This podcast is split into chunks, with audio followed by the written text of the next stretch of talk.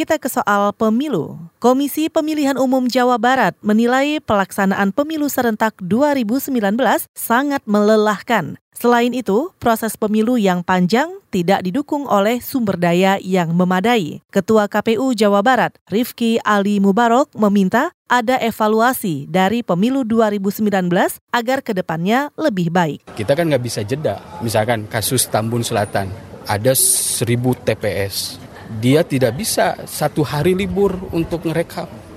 Berarti pula akhirnya apa konsekuensinya? Dia bisa menghabiskan waktu 23 hari untuk rekap coba. Saya aja yang udah lima hari kan koleng ningali angka.